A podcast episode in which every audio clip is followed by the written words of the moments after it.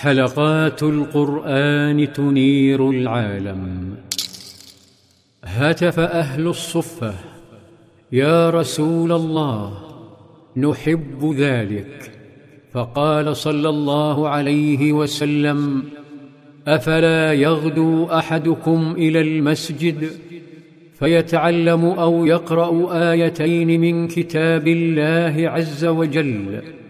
خير له من ناقتين وثلاث خير له من ثلاث وأربع خير له من أربع ومن أعدادهن من الإبل فانطلقوا يتعلمون القراءة والكتابة للقرآن فوضعوا أنفسهم على طريق العلم لم يجدوا القرآن الكريم وعظا وإرشادا فقط.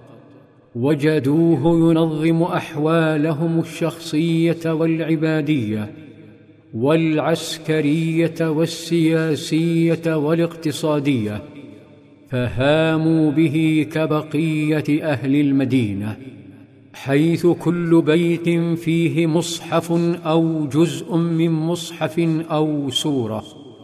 لأول مرة في الدنيا والعالم ينتشر الكتاب في البيوت.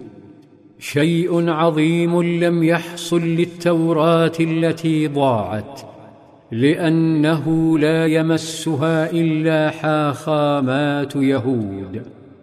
أما التوراة الموجودة اليوم فلم تكتب إلا بعد سبعمائة عام من نزولها.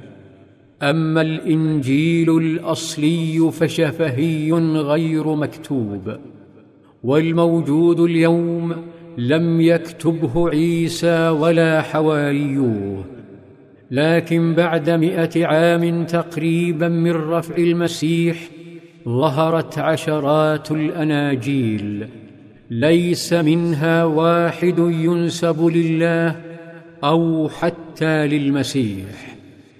بل هي منسوبة لرجال لم يرهم عيسى ولم يروه ولم يروا من راه القرآن وحده كتب أثناء نزوله وحده تم حفظه في الصدور والسطور وحده يتم تداوله والتعبد بتلاوته طوال اليوم في الصلوات. في المساجد والبيوت في الأسواق والدكاكين في المزارع وفي الأسفار وحتى على الفرش المبصر يكتبه والأعمى يحفظه. أما المعجز فهو أنه الكتاب الوحيد في الدنيا الذي يحفظه الملايين من غير الناطقين بلغته. بينما لا تجد قسا أو حاخاما يحفظ التوراة أو الإنجيل. القرآن جعل أهل الصفة وإخوتهم أنظف شعوب الأرض.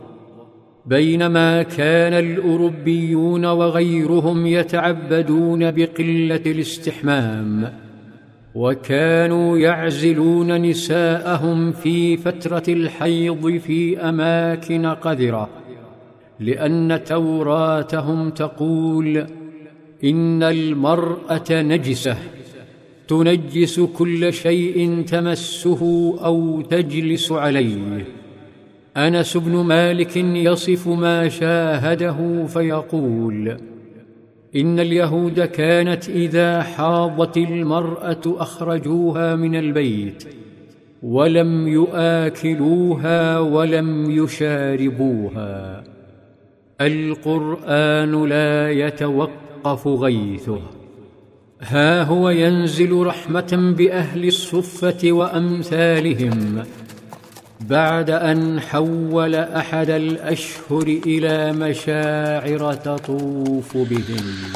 في ظلال في ظلال السيرة.